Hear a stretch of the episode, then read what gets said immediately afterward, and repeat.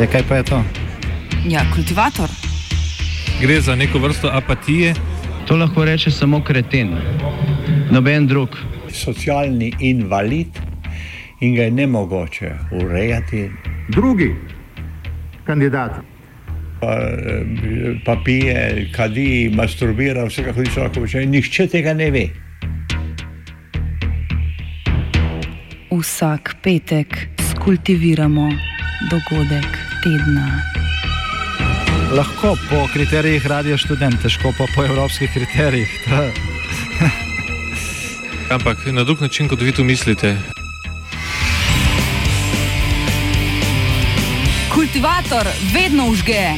Da pač nekdo sploh omenja probleme, ki so, in da pravzaprav sploh nekdo sproži dogajanje uh, v družbi.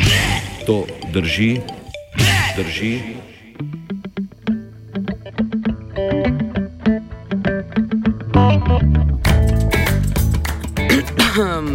Demokratična tranzicija v Libiji.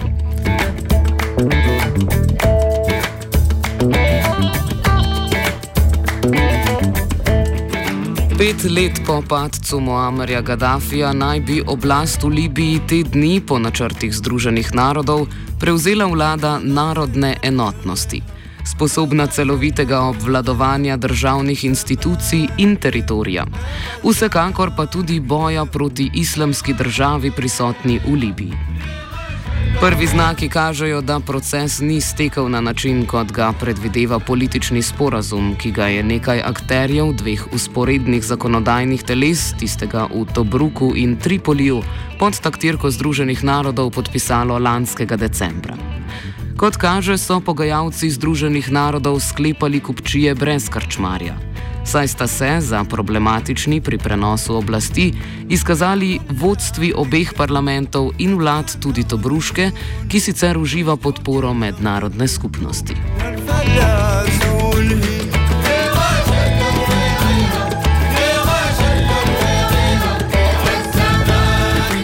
Evropska unija, katere članici Francija in Velika Britanija sta v prvi vrsti odgovorni za razdajanje Libije, je januarja očitno dojela, da prenos oblasti ne bo stekel brez prisile.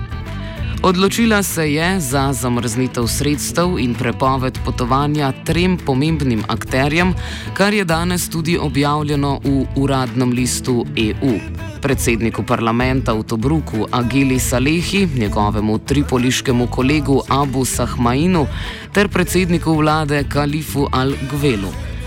Ne glede na sankcije, predsedujoča parlamentu do danes na dnevni red nista uvrstila glasovanja o prenosu oblasti, zato ne priznavata sredinega poskusa ustoličenja vlade.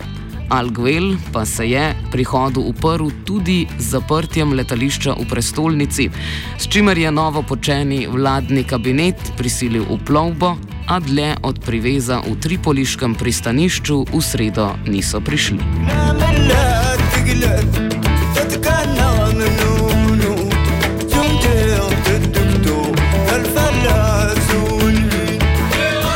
Sinoči naj bi v glavnem mestu potekala manjša obstreljevanja in protesti, a zadnji podatki kažejo, da ni nujno, da bo trenutna situacija vplivala na povečanje nasilja v državi.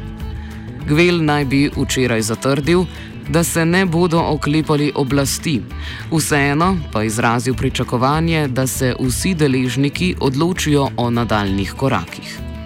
Po nepotrjenih navedbah naj bi Gvel Tripoli sinoči zapustil in se odpravil proti Misrati. Zunanje ministrstvo pa naj bi kot prvo institucijo brez upiranja prevzela vlada narodne enotnosti oziroma predsedniški svet, kot se uradno imenuje. Ta je v prvih izjavah za javnost takisto posegel po grožnjah in obljubil, da bo Interpolu in Varnostnemu svetu Združenih narodov posredoval imena vseh, ki se bodo upirali tako imenovani demokratični tranziciji oblasti in jih obtožil terorizma.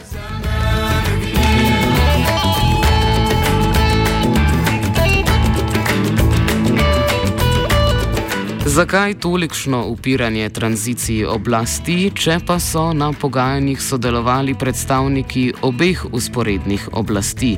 Pojasni Jason Peck, strokovnjak za Bližnji vzhod in ustanovitelj portala LibyaAnalysis.com. The point is, there are not two sides in the Libyan civil war. There are 50 sides or 17 sides. So the idea that a unity government is just taking some politicians from Tobruk and some from Tripoli and calling it a unity government doesn't make any sense. Because who do those people represent? The stakeholders in Libya are the main militias, Misrata, Zintan, the Federalists, Haftar, and then local councils. Libya is not a country governed by two governments, and therefore it's not going to be a country governed by three governments or by a unity government. Power is in the local level.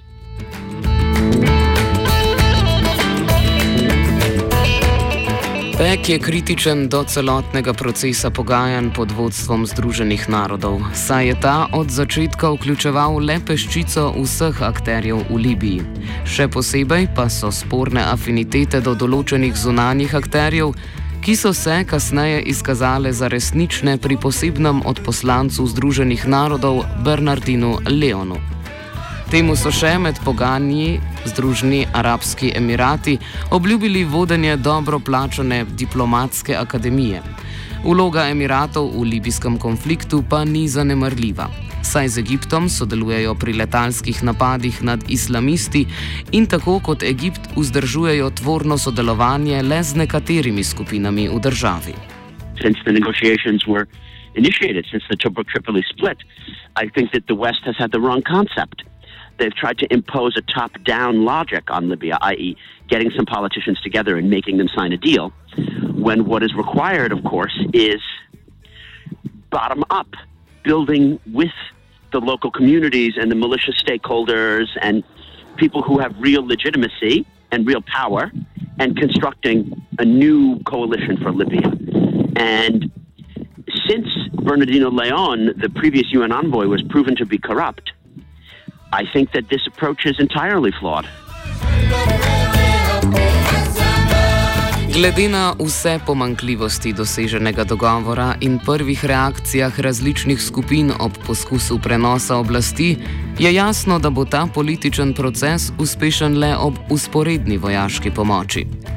Tako je francoski zunanji minister Jean-Marc Ayrault Aero, se upravičujem, torej francoski zunani minister Jean-Marc Aero, ki je sicer na vsakem koraku deležen kritik na račun Libije, češ, da je Francija zakuhala sesutje Gaddafijevega režima brez načrta za vzpostavitev kasnejše oblasti. Mednarodno skupnost pozval k vojaški pomoči predsedniškemu svetu pod vodstvom Fajeza al-Saraja.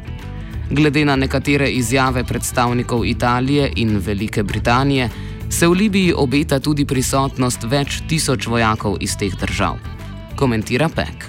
Even though I oppose the way in which people have gone about making this unity government, it's now the only game in town, and there's no other way forward but to support it. So, what this entails is the government establishing itself in Tripoli, or at least in just the area of the port, and making a call for Western assistance, both in terms of fighting the Islamic State and in terms of capacity building programs, training militiamen, things like this. That's the only game in town. So now that the West has chosen this approach and used the UN in this way, they better deliver the support and not let the government fail.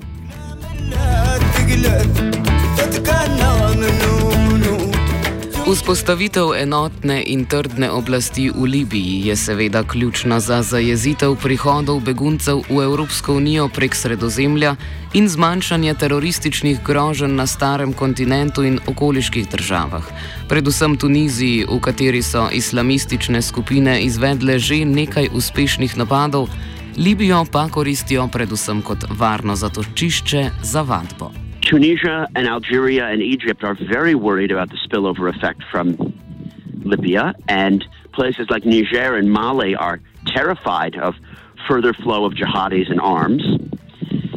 The Tunisians have sealed their border. They're very worried about their own citizens going and fighting with Islamic State or receiving training in Tunisia and coming back and perpetrating attacks. Um, these are very serious concerns. The Egyptians support one side in the civil war. They support Haftar.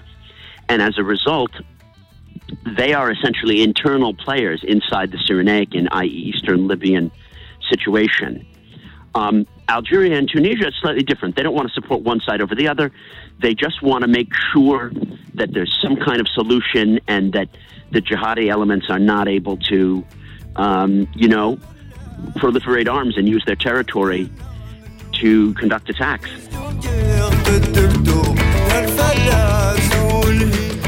Predvsem države južno od Libije kot grožnjo štejejo tudi povečano vojaško akcijo proti islamski državi v Libiji.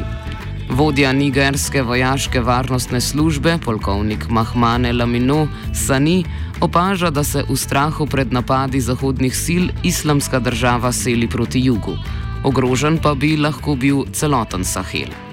Kakšna oblika boja proti islamski državi bi lahko bila uspešna, za konec komentira Peck. There is an idea that somehow aerial strikes can defeat the Islamic State. Oh, now that we have a government of national accord, no worries. It'll call in Western support and they'll bomb the Islamic State and that'll defeat it. That's applying the failed strategy that we used in Yemen, you know, drone strikes, or in Syria and Iraq, airplane attacks on the Islamic State. That doesn't work. It only works if there's ground troops. And those ground troops have to be authentic Libyan Arab troops. So, how are we going to get a coalition of the interested stakeholders together to want to work together across the divides Islamist and anti Islamist, Misratan and Zentani, federalist and non federalist? That is where the diplomacy should be happening to get joint operations rooms of these stakeholders to work together to try to reconquer CERT. And that's not what the Government of National Accord is exactly about. So it's solution to the wrong problem in my mind.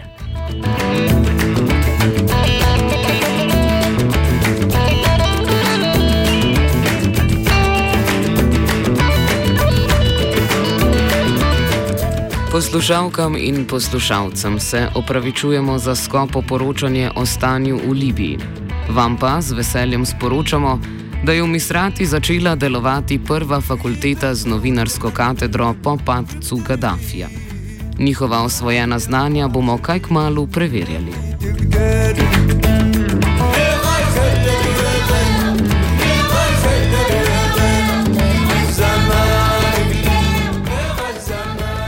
Kultiviral je Jankovič.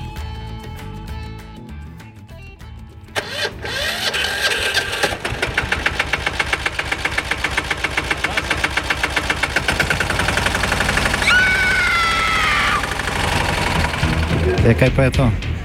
Ja, kultivator. Gre za neko vrsto apatije. To lahko reče samo kreten, noben drug. Socialni invalid in ga je ne mogoče urejati. Drugi kandidat. Pa, eh, pa pije, kadi, masturbira, vse kako ti človek počne. Nihče tega ne ve. Vsak petek skultiviramo dogodek tedna. Lahko po kriterijih radio študent, težko pa po evropskih kriterijih. Ampak na drug način, kot vi tu mislite. Kultivator vedno užge. Da pač nekdo sploh omenja probleme, ki so, in da pravzaprav sploh nekdo sproži dogajanje uh, v družbi. To drži, drži,